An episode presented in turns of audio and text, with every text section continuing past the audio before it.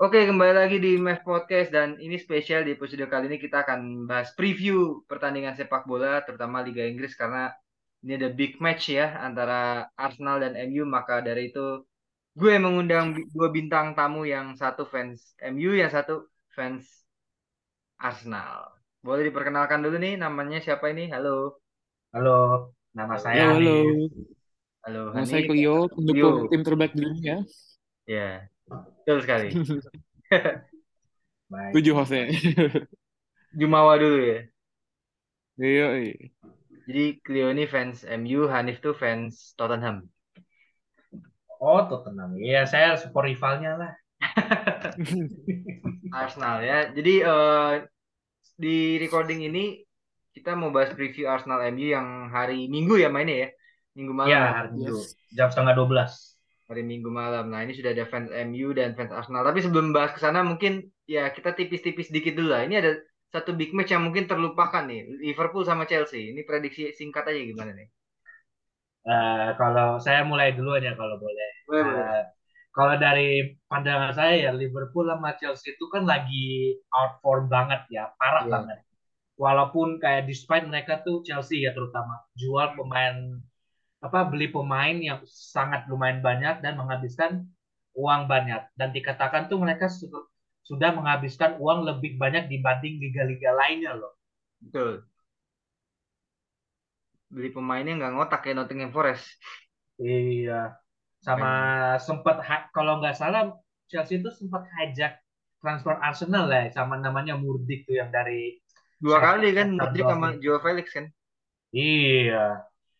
Nggak ngotak dia tuh beli Itu pemain benar mahal. dibilang hijack nih soalnya Arsenal udah nawarin ini kan apa namanya offers kan. Iya, awalnya 80 juta, tapi setelah itu kan Chelsea kan hijack beli 100 juta. Siapa Iya. sih yang nggak mau yang namanya uang? Money talks, man. Yoi. Lagi Joe Felix debut kartu merah. Arsenal fansnya ketawa-ketawa tuh di balik sana.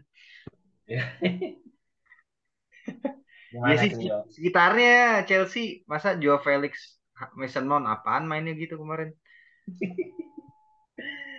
Ya, Chelsea itu punya banyak pemain bagus, tapi nggak punya creator mereka. Dia dia nggak punya creator klasik kayak modelan Odegaard sama Bruno. Iya, hmm, wasted banget jadinya ya. Kadang-kadang liatnya. Sebenarnya mau ngandelin Mason Mount sih, cuman Mason Mount tipikalnya ya dia kayak apa ya? Dibilang kreator bukan juga sih menurut gue. Dia kayak Donny van de Beek sih kalau menurut gue. Lihat-lihat model-modelannya. Jujur, Mason Mount tuh gue keinget sama Jesse Lingard, tau gak sih? Ya, kayak Semi, Lingard semi gitu. creator, semi pelari, semi shooter. Ini cuy kayak Pereira tau? An- Pereira Fulham. Iya, Vera bener. Waktu Jadi ya sedang-sedang lah ya. musim Ole yang pertama tuh yang full, yang belum ada Bruno kan diandelin Lingard sama Pereira nggak nggak jalan MU tuh. Iya. Kata banget. Prediksi gimana Liverpool Chelsea? Agak mengunggulkan siapa nih? saya sih kalau best quality of player ya, Hmm, mainnya di Anfield lebih- kalau nggak salah. ya saya sih lebih milih Liverpool ya, karena kualitas Iya. pemainnya masih bagus lah. Kalau Chelsea kan masih banyak pemain baru dan itu pun masih belum kayak gimana ya, belum terbiasa dengan taktik yang Graham Potter itu. Oh iya. Kalau Clio gimana? Liverpool apa Chelsea? Sedikit mengunggulkan. Hmm, menurut gue agak sulit sih karena dua-duanya lagi down. Dia ada Tapi gue setuju sama Hanif, Liverpool on top. Tapi untuk game ini, karena emang dua-duanya lagi bapuk, menurut gue seri sih. seri ya. Imbang sih. Iya, ya. tapi kalau menang, imbang sih. Dua imbang menurut gue. Mau menang juga nggak nyalip MU. Iya, Gakpo, Gakpo tuh yang katanya mau ke MU juga kurang bersinar di Liverpool. Amin Iya. nggak ke MU. Makanya kan dia apa namanya? Trionya kan Gakpo, Darwin, Muhammad Salah jadi nggak win lah. Iya. Iya, Kurang. trio, trio dari Twitter tuh bahas ini bahasa dari Twitter. Hmm. Liverpool tuh peringkat berapa sih sekarang? Gue sampai nggak tahu loh. Eh, Chelsea itu peringkat 10 ya. Chelsea Tau 10, gue 8 deh. 8 ya. Liverpool 8 atau 7 gue lupa. Agak bawah deh pokoknya. Membuat Gila, hati itu- kita senang lah semua ya. Peringkat peringkat segitu ECL aja nggak dapet ya Conference League. Iya. Eh, saya saya sudah melihat posisi mereka. Nah, Liverpool tuh peringkat 9 dan Chelsea peringkat 10. Oh, Liverpool peringkat 9, Wah gila. kelas 10. Asik sih. Di bawah ini ya, di bawah Brentford sama Brighton ya? Iya benar dan di di bawah Fulham juga loh. Mantap. Padahal Fulham kayak Pereira sekarang ya. Iya. Tapi gelandang bertahannya dia bagus tuh Fulham. Siapa yang orang Portugal tuh? Oh, Aduh. si aduh gue lupa Lupa namanya. namanya yang kemarin main- yang tampil di Piala Dunia juga. Eh tampil apa enggak? Cuma dipanggil sih. Lupa gue. Itu main main tuh. Pemainnya apa? Ya. Pemainnya ya. Iya. Gelandang bertahannya. Hmm. Sementara Coba. kita ada dua tim kejutan sebenarnya ya, yaitu Brentford dan Brighton. Ini giant killer sih kalau gue bilang. Hmm. menurut gue yang paling paling surprise sih tetap Newcastle sih. Newcastle, iya Newcastle. Iya. Kalau misalnya Padahal Newcastle kalau kata belum jor-joran loh dia, tapi dia udah melapak. Iya. Tapi lu bandingin dengan tahun lalu di posisi di apa dengan game yang sama mereka di posisi 19 kan di posisi 3 eh 4 masih di bawah empat MU kan, sih. masih di bawah MU ya. hebat sih. Yoi, Itu yoi. Keren Nah, dia. Pemain yang lagi gacor tuh si Miguel Almiron ya. Iya, yang mirip Raditya juga Dika. bagus. Iya Raditya Dika. Raditya Dika. Tapi menurut gue menurut gue sih Newcastle bagus gara-gara Bruno Gomares sih. Oh Ya, iya, itu bener-bener Sama banget Brazil ya. Sama Bener box to box banget dia gila. Iya, benar. Sama ini Joe Linton juga kayaknya udah bukan striker malah jadi bagus deh. Agak di Iya, mundurin kan posisinya. iya. Hmm.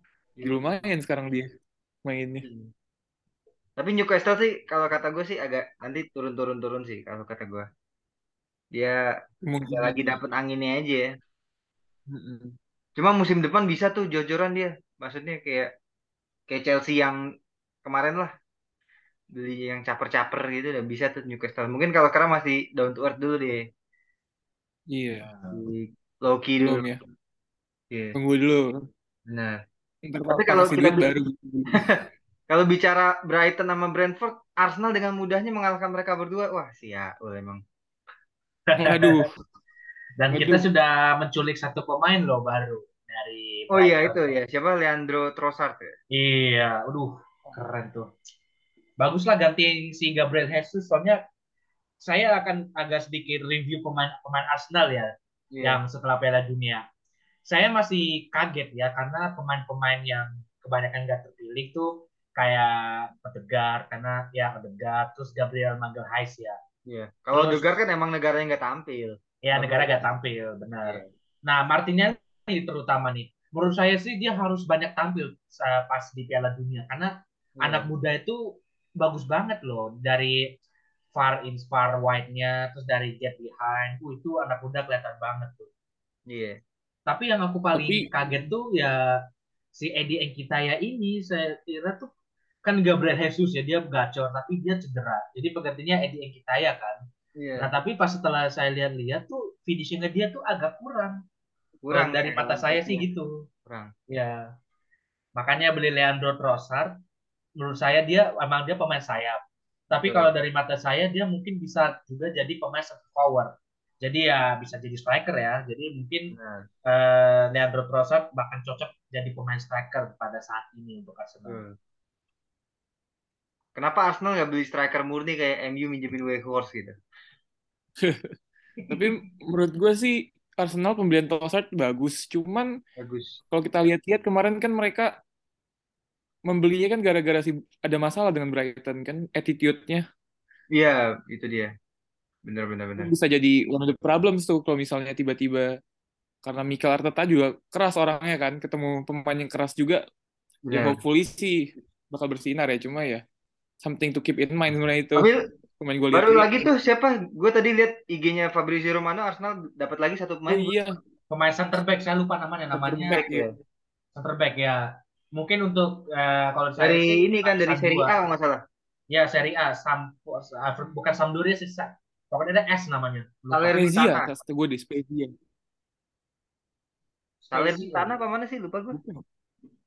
gue lupa pokoknya Iya. tim mid table gitu kayaknya Iya. Arsenal ini yang murah-murah ya belinya. iya Iya, agak pelit sih, tapi ya nggak apa-apa. Iya. Oh, saya baru ingat namanya Jaco Kiwior. Iya. Dia main dari Spezia, ya benar tadi dia sudah jawab Spezia. Nah, Spezia bener ya. Ya, Oh, Spezia. Spezia ya, Spezia. Ya, ya. Dari Spezia. Oke, ini eh, ini langsung ke bahasan inti nih. Kita preview nih Arsenal lawan MU yang akan jadi salah satu big match Liga Inggris pekan ke-21 kalau gue nggak salah. Lupa gue pekan berapa. Bener ya?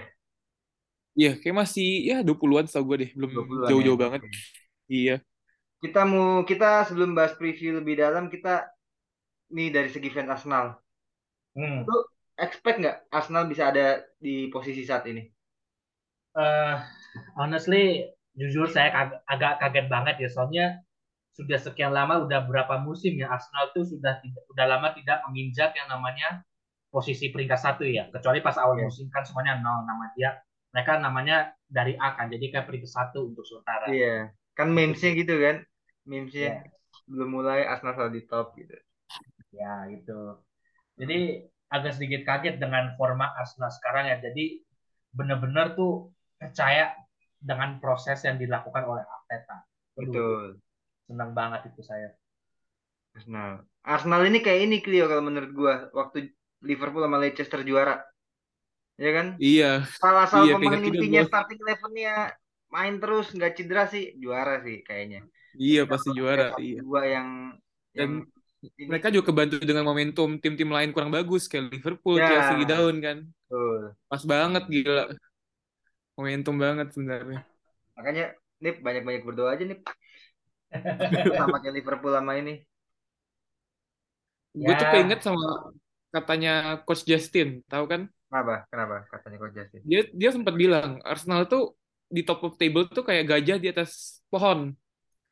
Kalau misalnya gajahnya nggak digerakin, bakal tetap di atas, bakal juara. Tapi Iya. hati-hati, hati-hati, kesentil dikit satu pemain cedera bisa berurutan ke bawah gitu loh. But Arsenal possible tuh aja juara di atas gitu. Iya, terakhir lawan Tottenham ya, lawan Spurs ya. ya Spurs menang. Itu gue ngeliat udah ada beberapa pemainnya agak kayaknya udah mulai habis bensin tuh kayak Martinelli udah aduh gak nggak segacor kemarin-kemarin lah. Udah kelihatan agak-agak kasihan sih kalau itu Arsenal nggak ada pelapisnya kasihan sih kalau menurut gue. Hmm. Iya Kalau benar. kalau mau juara Liga Inggris FA lepas aja sini kalau kata gue Arsenal. Siapa? FA Cup lepas aja sih kalau kata gue. Ya FA Cup Lagi lawan lepas. City kan. Ya harusnya musim eh, tahun kemarin tuh yang bulan November ya ada kesempatan Arsenal lawan Manchester City. Cuma kan sempat diundur ya gara-gara Ya, di postpone. wafatnya, ya wafatnya Queen Elizabeth ya. Ya. Berarti Tuh. Arsenal masih tiga kali lawan City nih, dua di IPL, satu di FA. ya insya Allah lah soalnya kan saya sebenarnya jujur saja pengen looking forward banget ya Arsenal lawan Manchester City soalnya tuh ibaratnya kayak master versus student gitu loh Benar. bakal seru banget sih Tapi yang orang lupa nih soal Arsenal adalah tentang Mikel Arteta-nya. Arteta ini gue ngelihat dia setiap menit kayaknya ya pertandingan tuh dia selalu berdiri dan ya menjalankan tugas Iya. sebagai pelatih. Itu kalau menurut gue sih kalau Arsenal dapat sesuatu musim ini deserve sih. Kalau lu lihat dari at- apa namanya attitude manager yang semangatin terus berdiri nggak pernah duduk gitu kan, ikut terlibat lah kan. Lu lihat kan ada beberapa pelatih yang tetap kayak cuman mantau dari jauh duduk-duduk santai gitu kan. Guardiola Iya. Kalau Ancelotti sebenarnya sih tipikalnya tetap juara. Iya.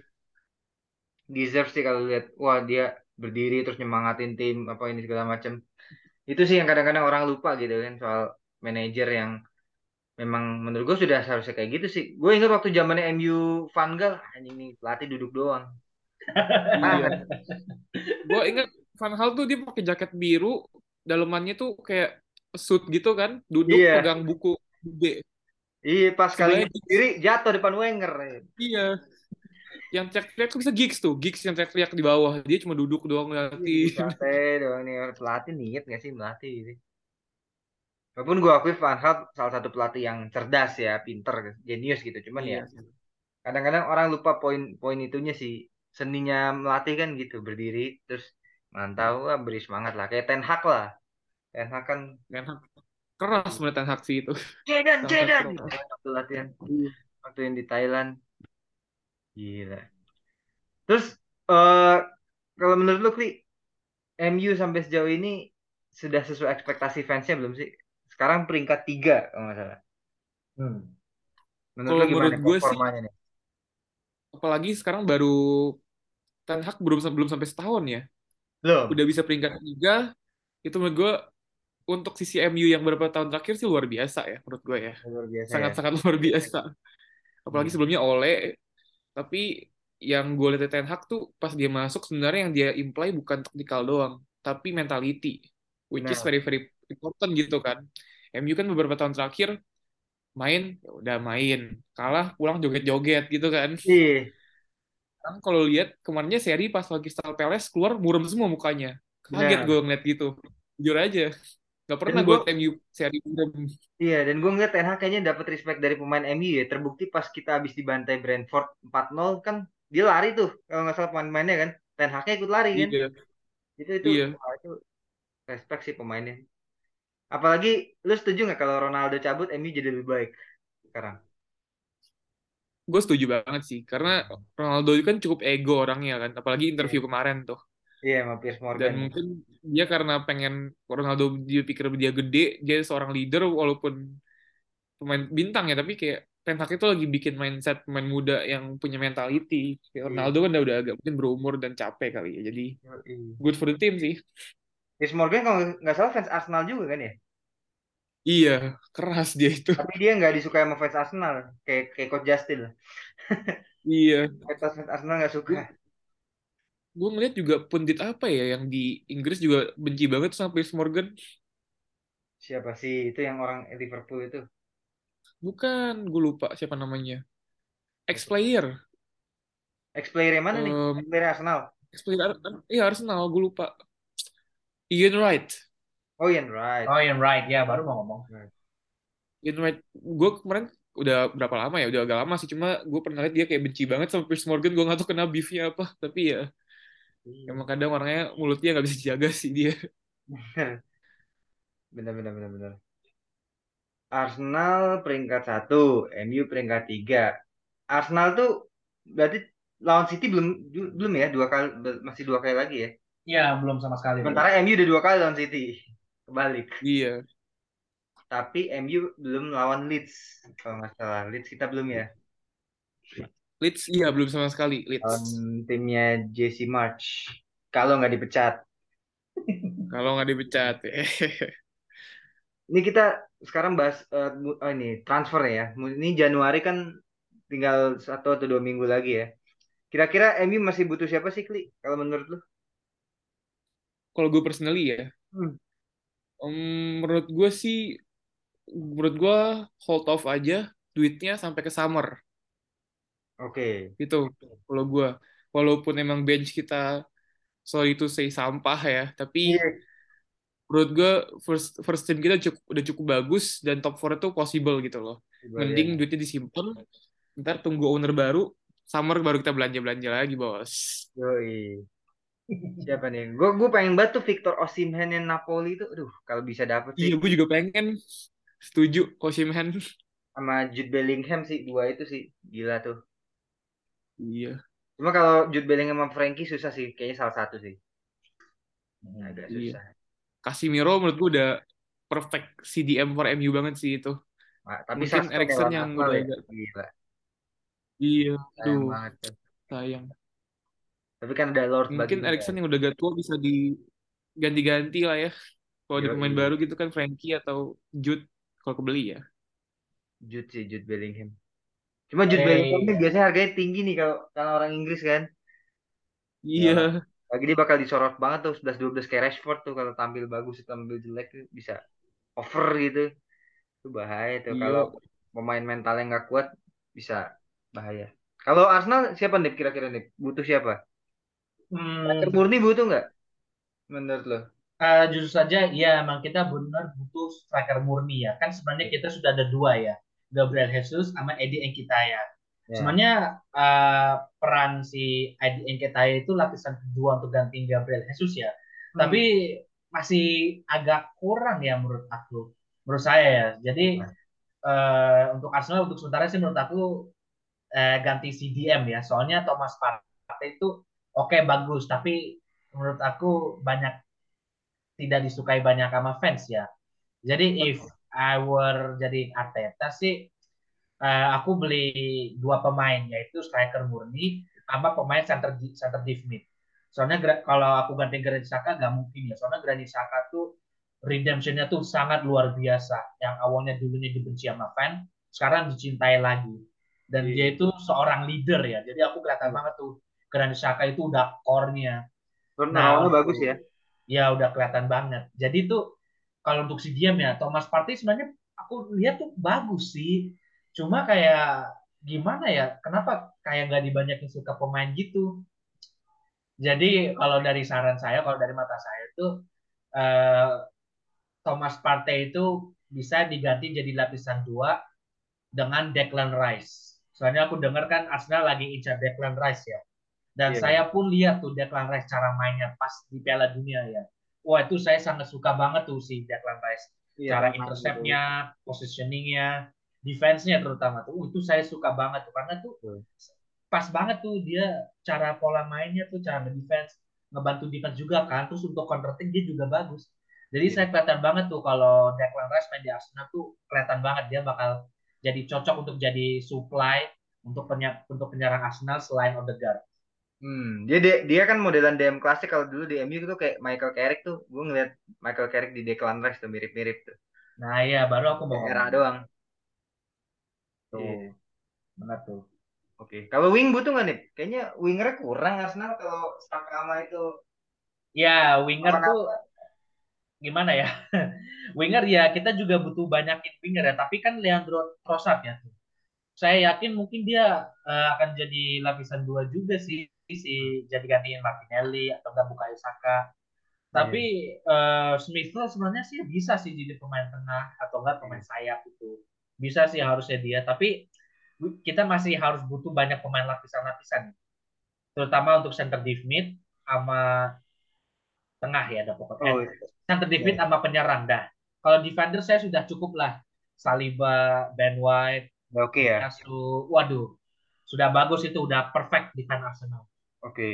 itu gimana kabarnya siapa yang mahal itu Nicolas Pepe itu kayaknya udah nggak pernah dengar lagi namanya Oh Nicolas Pepe kan lagi di loan ke oh, lagi di loan di loan ke mana ke Liga oh, iya. iya ke Liga Prancis di Nice kalau nggak salah tuh. Oh Lice. Ya itu lagi di loan tuh. Ya nggak pernah denger lagi ke mana tuh orang. ya itu di loan sama Arteta biasa yeah. cari pengalaman lagi. Cari pengalaman ya. Jadi uh, Auba ke Chelsea drop seneng nih ya fans Arsenal ya. Iya, ngomongnya gede sih tapi skillnya gak ada. Apa tuh nothing personal? Aduh. Oke oke. Kalau kiper Arsenal siapa sih kiper keduanya siapa? Matt Turner itu kiper utama untuk Amerika Serikat. Tapi oh, Matt Turner yang kemarin ini ya? Ya, benar sekali. Oh iya iya iya iya. Ya kipernya sih udah ya lumayan lah ya. Bukan yang top banget tapi ya ya acceptable lah ya. Tapi yang sebenarnya gini nih, ini interesting fact-nya loh. Saya masih ingat tahun 2021 ya tuh pas pas zaman zamannya COVID. Kayak kalian tahu Neil Mopai kan yang dulu pemain Brighton. Tahu tahu. Kan, di Everton tuh dia. Main Brighton. Enggak di Everton sekarang mainnya. Oh iya di Everton sekarang ya benar. Nah tuh, aduh, ini kayak suatu keajaiban ya.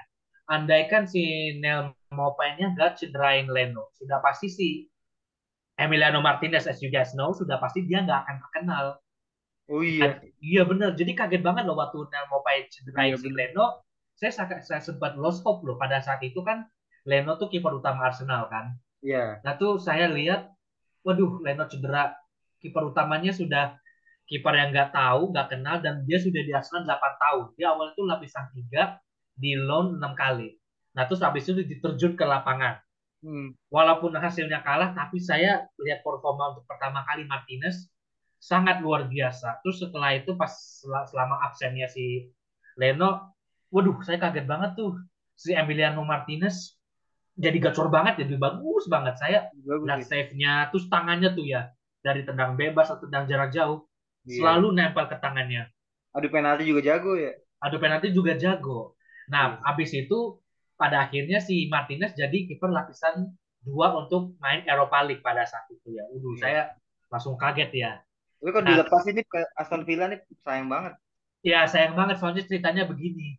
Soalnya kan waktu awal musim tuh Leno yang lagi oke-oke lah. Terus sedangkan Emilio Martinez lagi gacor ya. Nah si Martineznya ini minta dia mau di dia dia request untuk jadi kiper utama si Arsenal. Tapi Arteta bilang tapi kan kita kiper utamanya Leno dan dia memegang punggung nomor satu. Nah habis itu ya udah saya cari pengalaman lain di klub mana gitu. Pada akhirnya dia pindah ke Aston Villa Hmm. dan after that the rest is history. Gitu Iya. aja sih. Emi Tapi Martinez menurut ini gue it's a good thing sih. Mm-mm. Good thing ya bener. Tapi sedih sih. Karena Iya, tapi menurut gue um, Emil- Emilio Martinez dan Aaron Ramsdale menurut gue masih tetap Aaron Ramsdale sih. Walaupun dua-duanya attitude-nya agak kurang ajar ya, tapi ya tetap menurut gue Ramsdale itu young and talented gitu loh. Sedangkan Martinez kan udah kadang-kadang masih masih ada blunder gitu kan. 30 Ramsdale menurut gue lebih outlier sih. Lebih cocok dengan apa Arsenal yang sekarang gitu loh.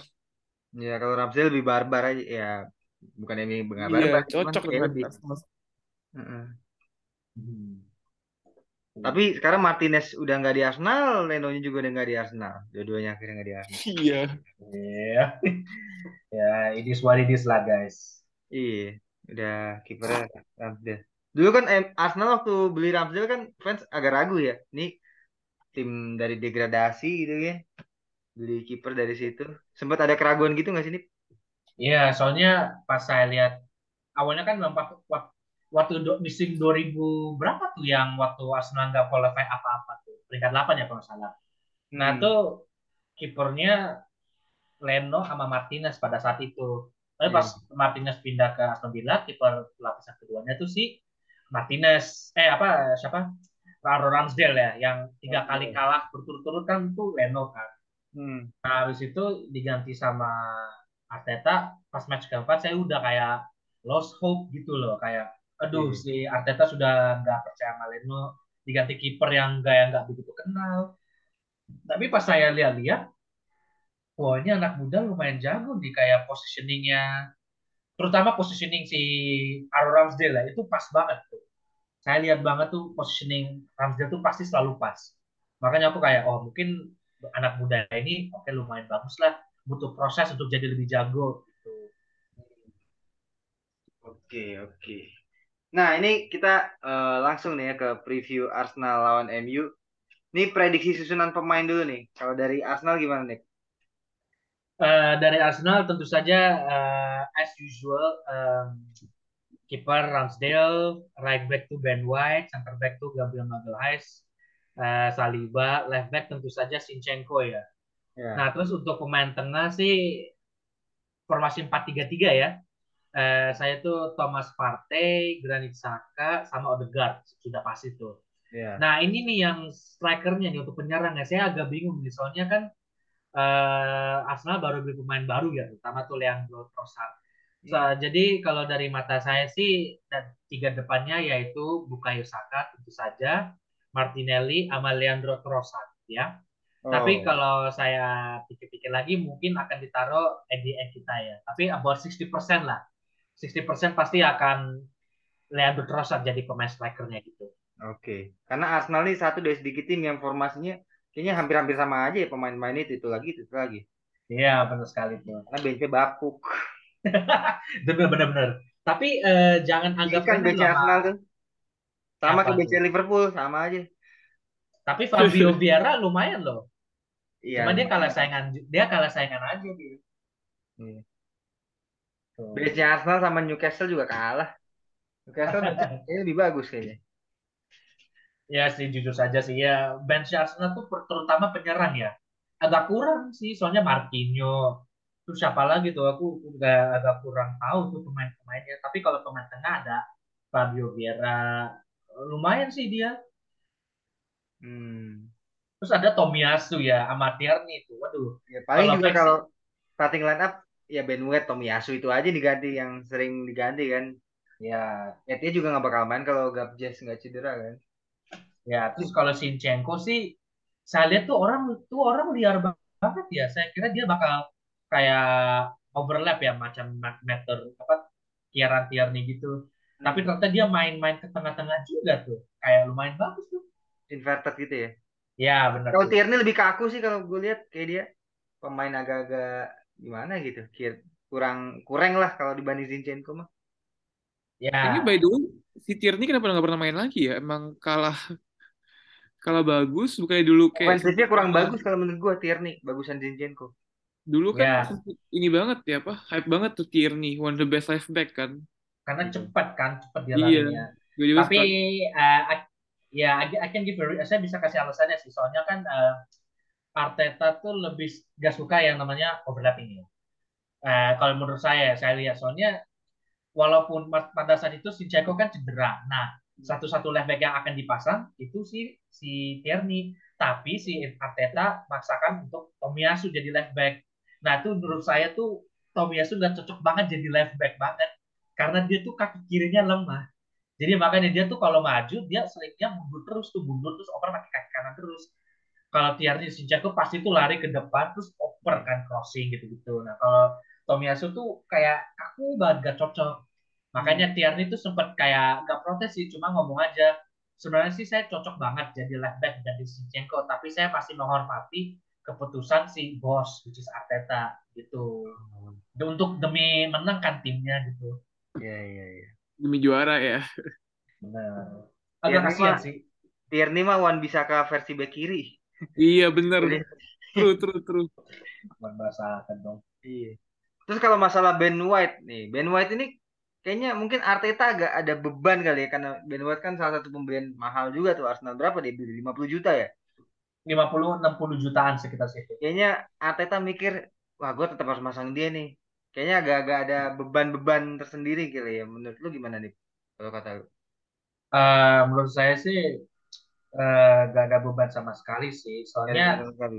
ya gak ada beban aja ya pemain mahal ya pemain mahal sama kayak kasus si kan si Nicolas Pepe kan dia tuh pemain Iya. mahal katanya bebanin gitu kan aduh pemain mahal harus dipakai terus tapi buktinya gak cocok dia jadi jelek terus langsung di apa Iya. masukin ke apa cadangan jadi kan orang-orang bilang wah Mubazir beli pemain mahal tapi nggak dipakai gitu kan nah ibaratnya ya beda cerita sih dengan Ben White Ben White pemain mahal tapi bagus karena cocok Oh. dengan formasinya Arteta gitu Iya. Maksudnya Arteta kenapa nggak eh, apa namanya kadang-kadang kenapa nggak coba misalkan cadangin Ben White ganti Tomiyasu gitu kan?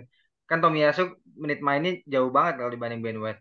Kalau kayak misalkan MU Ten Hag kan berani tuh cadangin Anthony padahal udah lebih 100 juta. Terus anak buahnya di Ajax juga lagi dulu kan. ya itu karena mungkin masalah apa harusnya dibilangnya attitude-nya Anthony ya soalnya Anthony itu sering banget tuh yang namanya caper gitu kan Iya. yang suka yang enggak-enggak lah pokoknya Tapi kalau dibanding Greenwood lebih parah ya.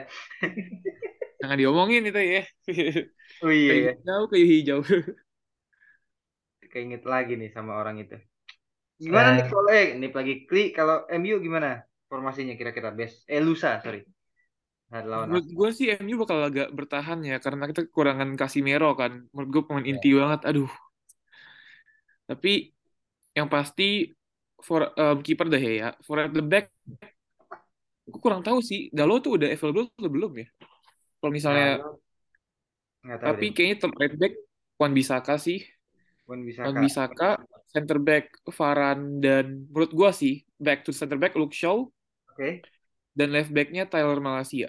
Karena kemarin pas ngeliat lawan Mahrez tuh Malaysia one, to, one on one tuh bagus banget dan mungkin ntar lawan Saka itu mungkin bisa jadi uh, prioritas buat Ten Hag buat ngedefense Saka. Oke. Karena nggak ada si Casemiro menurut gue formasi bakal 4-4-2 sih kayak City. Jadi Oh, City ya. back back seperti Ole, um, McTominay dan Fred untuk Oke. bertahan. Bakal ada Bruno dan Erikson. Oke. Untuk depannya Rashford and Anthony. Rashford Anthony. Iya, Oke. karena kalau misal dipasang Alejandro Garnacho langsung kayaknya dia lebih cocok buat sub dan kan pemain lihat dari City kemarin kayaknya ini juga bakal agak bertahan sih awalnya. Oke. Apalagi Tomine nggak ada Casemiro kan, jadi butuh Fred dan McTominay koordinasi yang kuat tuh. Kalau nggak ya, Oke. Kalau gue kayaknya beda sama lu nih. hmm, gimana gimana?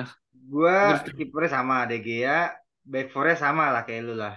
Eh Wan Bisaka, Varane, Luke Shaw, eh, kayak Lawan City, Luke Shaw sama Malaysia. Cuma gue akan main 4-2-1-3, Eriksen gue istirahatin. Kalau Ten Hag berani sih, Lisandro kita pasang DM. Oh, Oke, Sama gue sama Fred.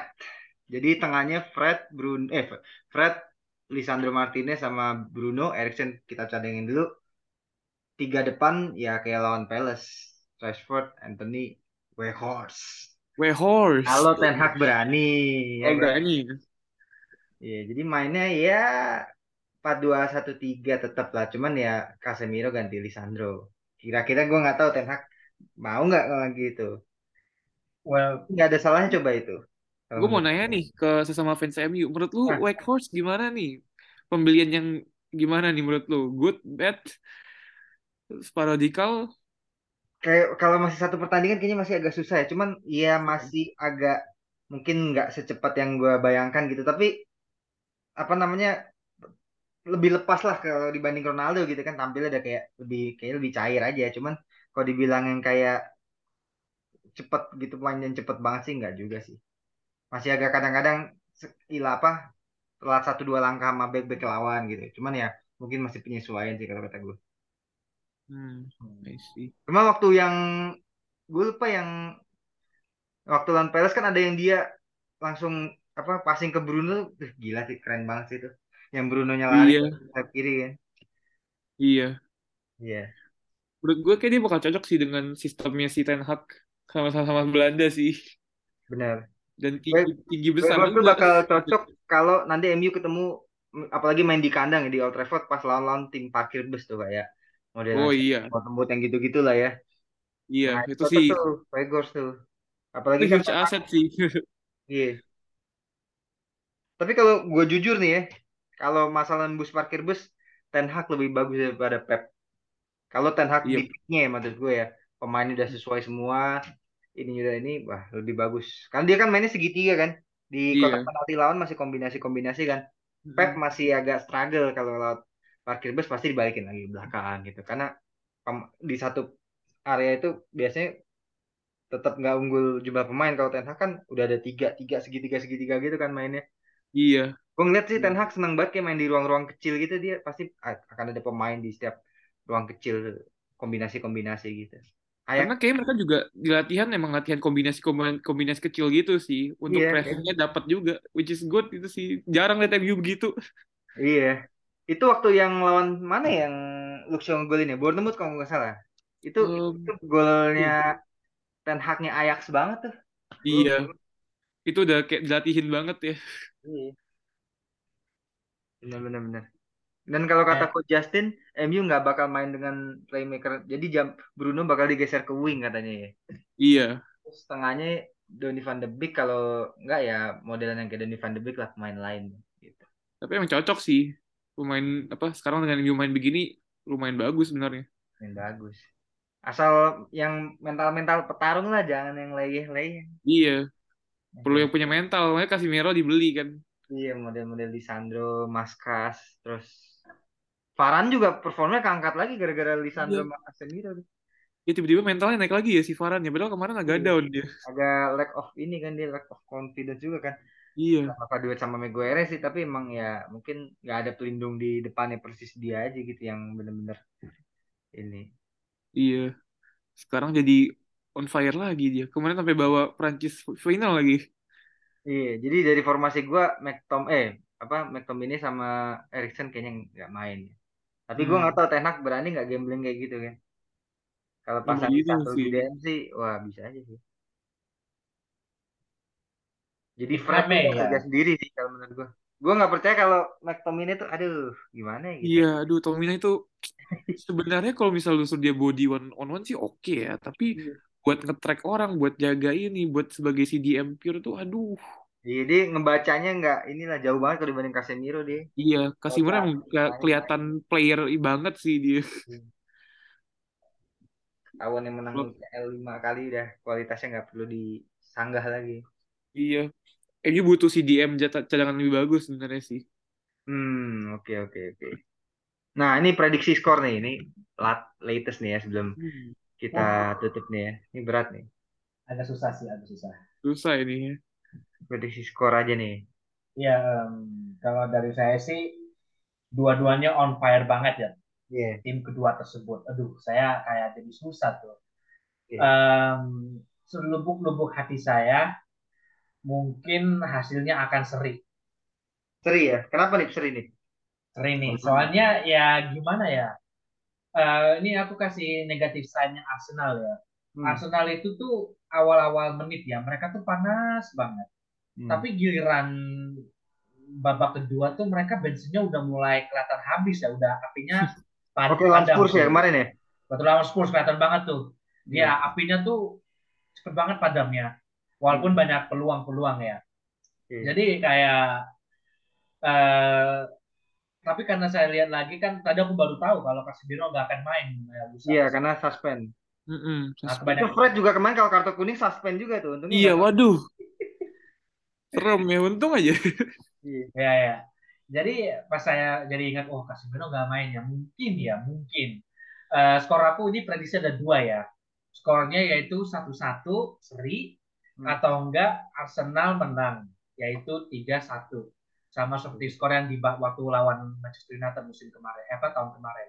Oh. Jadi agak sedikit balas dendam ya. Soalnya saya percayalah Arsenal mungkin ya positif saja sih mungkin apinya akan nyala lebih apa akan berkobar ya di menit-menit awal tuh. Jadi bisa nyetak gol lah. Tapi mungkin babak kedua karena bensin habis mungkin Arsenal akan go defensif ya. Jadi saya akan percaya itu. Oke. Itu aja prediksi saya satu-satu atau enggak 3-1 untuk Arsenal. Oke. Kalau Clio gimana Clio? Gue prediksi gue agak liar ya.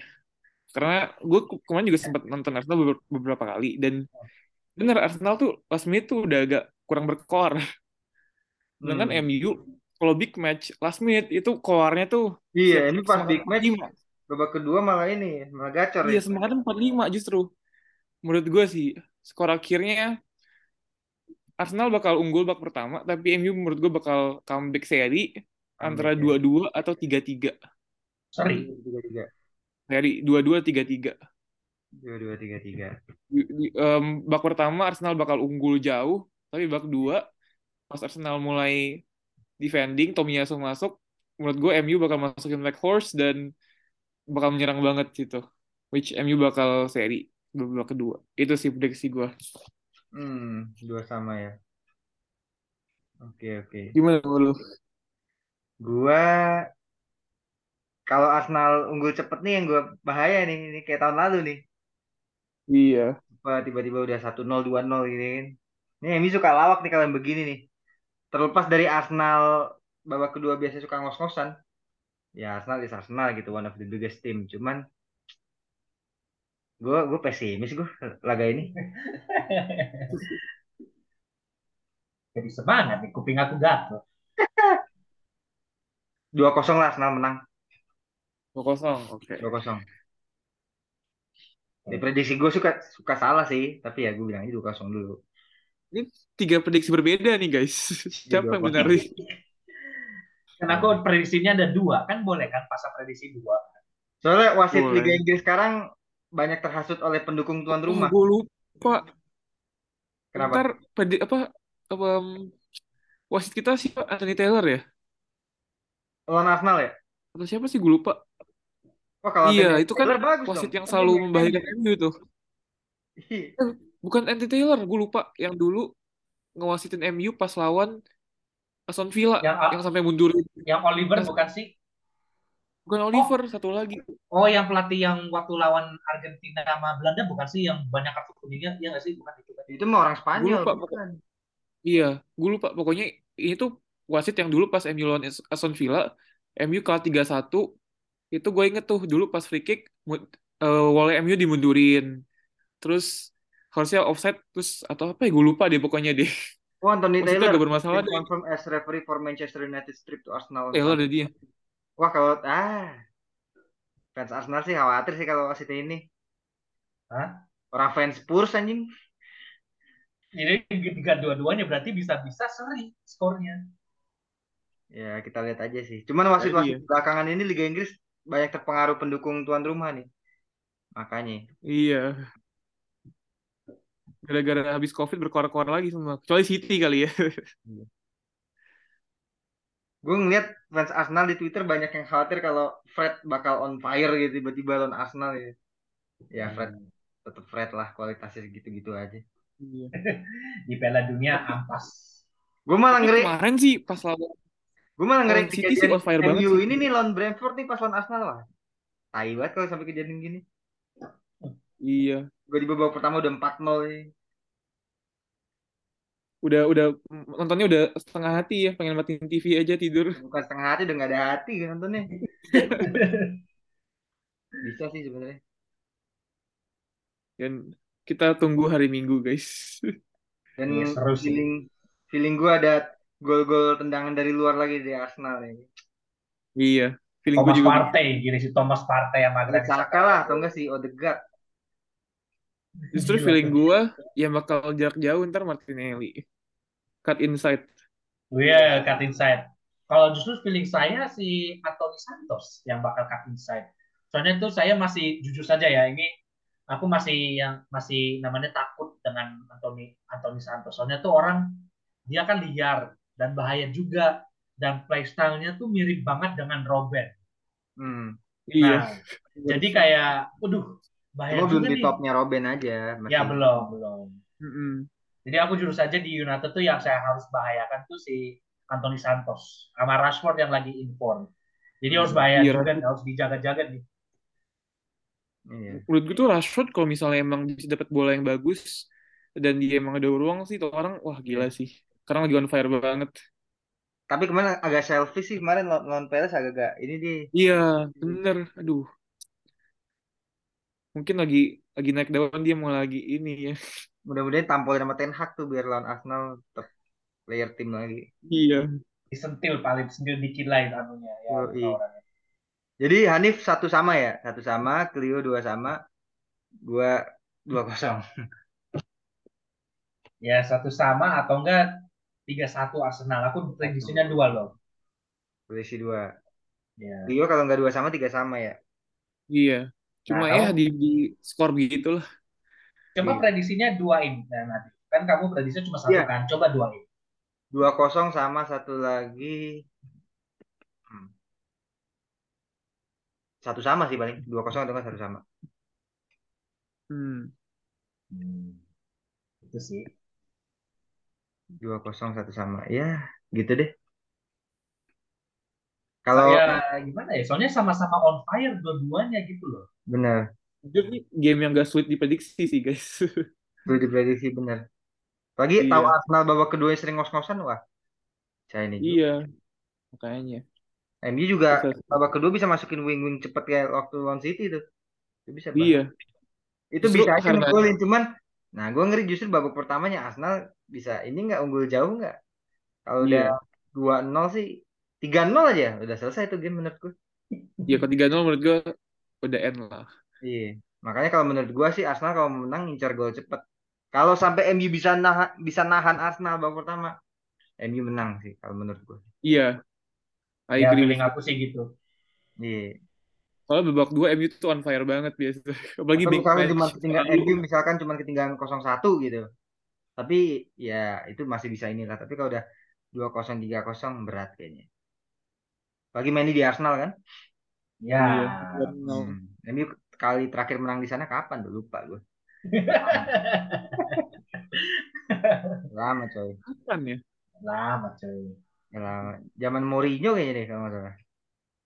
Eh, zaman Ole pernah gak sih sekali? Sekali tapi bukan Liga Inggris kan? FA kalau nggak bukan di Inggris. FA Cup, FA Cup. FA Yang Cup, yes. awal-awal tuh. Eh, enggak awal-awal sih udah mau mau dipecat malah justru. Ih, Musim musim terakhir dia kan. iya. Good evening. Oke, jadi evening. satu satu tiga satu Hanif, eh, Clio dua sama tiga sama gue dua kosong sama satu satu. Ya. Oke, jadi kita lihat saja hari Minggu jam dua tiga tiga puluh WIB big match Arsenal lawan MU tapi didahului oleh besok malam tuh ada Liverpool lawan Chelsea setengah 8 kalau gue salah. Oke, ya kita berharap aja sih semoga menjadi pertandingan yang seru ya. MU Arsenal dan ini mungkin kali pertama juga ya. Ini for big clubs tradisional ini ya yang saling beradu nih ya. Iya. Ya benar sekali tuh. Yang Arsenal dan ya mudah-mudahan kita di era-era ke depannya lagi nih bisa throwback rivalitas Arsenal MU ini bisa naik lagi nih. Yo, eh. Gue kalau jadi fans Arsenal jujur gue khawatir kalau Arsenal jadi juara. Takut pemiliknya jadi besar hati jadi pelit lagi nih. Itu yang bahaya tuh. Oh iya. Tentang udah bisa juara ah, dengan main gini aja gue bisa jadi juara. Nah takutnya spend money jadi ogah-ogahan lagi nih. Itu bisa jadi pisau bermata dua sih bagi Arsenal. Kalau menurut gue. Hmm, ya, tapi kalau saya lihat lagi sih kualitas cari pemainnya Arteta tuh kayak gimana ya? Dia beli pemain muda, Hmm. terus dimantepin. Kalau dari mata saya sih gitu. Tapi kan itu nggak selalu berhasil masalahnya. Iya, Iya. sih.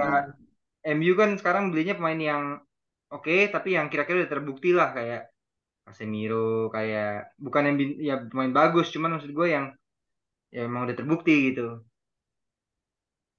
Iya. Kira-kira ada tuh- pengalaman inilah bukan yang kroco-kroco lah maksud Tapi gue demen-demennya dengan MU tuh, mereka beli pemain juga sekarang sesuai dengan Ten Hag sih. iya apalagi dengan Gue ada gue clear apa pembat- pembatasan gaji sekarang ya Iya, Hmm. sekarang mereka lebih inilah lebih oriented ininya, lebih bagus sih pembeli-pembeliannya. kalau pembatasan gaji itu ada plus minus sih kalau menurut gue minus mungkin pemain-pemain nama besar yang nama-nama ini mungkin bisa jadi mikir dua kali ke MU ya karena nah gue dapat gaji yang sama segala macam gitu kan cuma di satu Iya. sisi bagusnya kalau menurut gue Ten Hag bisa memfilter mana nih pemain yang beneran emang main mau main buat klub gitu Iya Ya. benar, true. Dan sekarang kan MU juga pembeliannya udah ya masih mahal sih kayak Anthony, cuma udah nggak kayak big big player big player lagi sih menurut gua kayaknya ke depannya ya. ya Lebih itu salah biar nggak membebani pemain juga sih kalau menurut gue iya, justru ngincernya emang yang with mentality dan potensial yang sesuai dengan Ten Hag kayaknya deh. dan petarung yang suit dengan sistem lah suit dengan sistem bener Iya, so dengan Ya. sistem benar. dan Maguire katanya mau di loan ke West Ham nggak tahu tuh bener nggak Semoga, semoga. Itu Phil Jones masih ada lagi di klub tuh Iya, aduh, Iya, orang gaji buta tuh dia Enak Enggak, soalnya kalau dari mata saya sih mungkin di Liga Inggris tuh ada aturan. Jadi itu di satu klub itu, eh di setiap klub harus ada minimalnya. Jadi minimal pemain Inggris tuh harus ada berapa gitu. Ya enggak sih? oh iya Enggak kayak PSG jadi. ya. PSG tuh pemain Prancis ada berapa? Cuma satu ya. Dikit ya kayaknya. dikit Dikit. Kim Pembe itu PSG juga ya. Mm-mm. Nah, dua doang. Mbappe, Kim Pembe. Sisanya sa- dari negara mana aja. Jadi itu pemain murni dari negara asal klubnya tuh nggak ada. dikit ya Makanya Hmm. Inggris tuh pemain Inggrisnya usahakan dibanyakin gitu walaupun secukup Phil Jones. I'm sorry guys. Ya, mau gimana ya? karena Inggris masih maintain itu dia kan apa budaya tradisional yang orang Inggris banget salah satunya Iya. Apa namanya tuh? Boxing Day itu gue baru tahu kenapa Boxing Day ada tuh dulu. Sejarahnya adalah karena kasus kriminalitas itu tinggi jadi udah lalu orang fokus nonton bola aja itu katanya bisa neken tuh waktu itu. Bener nggak? Oh, gue juga baru tahu. Hmm, sekarang. Baru tahu aku. Iya. kriminalitas lagi tinggi-tinggi di Inggris. Kan Boxing Day itu kan sehari setelah Natal tuh ya. Nah gitu sih ceritanya ya. Tuh nggak tahu bener apa enggak Kalau aku sih. Boxing Day itu kayak mereka itu tetap kerja walaupun orang-orang pada libur. Itu namanya Iya. Boxing Day. bener bener bener ya makanya di Boxing Day diadain pertandingan tuh katanya sejarahnya gitu kasus kriminalitas yang tinggi itu salah satu jadi background ininya Hmm. Ya tapi kalau kita bahas lagi Arsenal MU ya mudah-mudahan ke depannya rivalitasnya tumbuh lagi, ada lagi. Ya lu bayangin gak sih Liverpool sama City, ini apaan nih rival- rivalitas kayak gini? Kurang gitu. Hmm. Kurang mencerminkan Liga Inggris gitu. Ya harusnya Iya. tradition dong. Manchester United, Liverpool, Iya, Arsenal. MU, Arsenal. itu baru tuh sejarah tuh. Iya, MU, Iya Arsenal. MU, Liverpool gitu head to head yang ya City juga klub Yang baru-baru banget kan. Iya. Kalau Chelsea sih menurut aku udah bisa dibanding sih the big four ya. United, Iya. Arsenal, Chelsea, Liverpool. Udah gitu aja. Nih, Chelsea jadi bagus karena ya Jose Mourinho. Iya, karena Enggak Abramovich, sih, menurut gue juga Abramo- Abramovich sih. Abramovich lah. Ya. Ntar Todd Bully nih kayak MU Edward lagi nih ya. Lu punya duit ya, udah keluar aja dah. Yang ini dah, yang running. Iya bener nih. Ntar pemiliknya tajir tapi manajemennya kacau. Yang cewek itu kan udah di fired juga kan sama Chelsea kan ininya. Iya. Kalian itunya. Ya guys, jadi itulah eh, prediksi dari kita ya buat preview Arsenal MU. Maaf nih yang Liverpool Chelsea kita nggak prediksi karena kita nggak bahas derby papan tengah. Oke. Jadi Oke, eh, thank you Nip sama Clio udah main lagi. Mudah-mudahan hari Minggu menjadi tontonan yang seru ya. Ya. yoi. Saling japri-japri lah. Yoi. Boleh, boleh. You guys. Mudah-mudahan jadi Thank pertandingan yang seru di hari Minggu. Bye bye. Ya, thank you. Bye-bye everyone. Bye-bye. Thank you semua.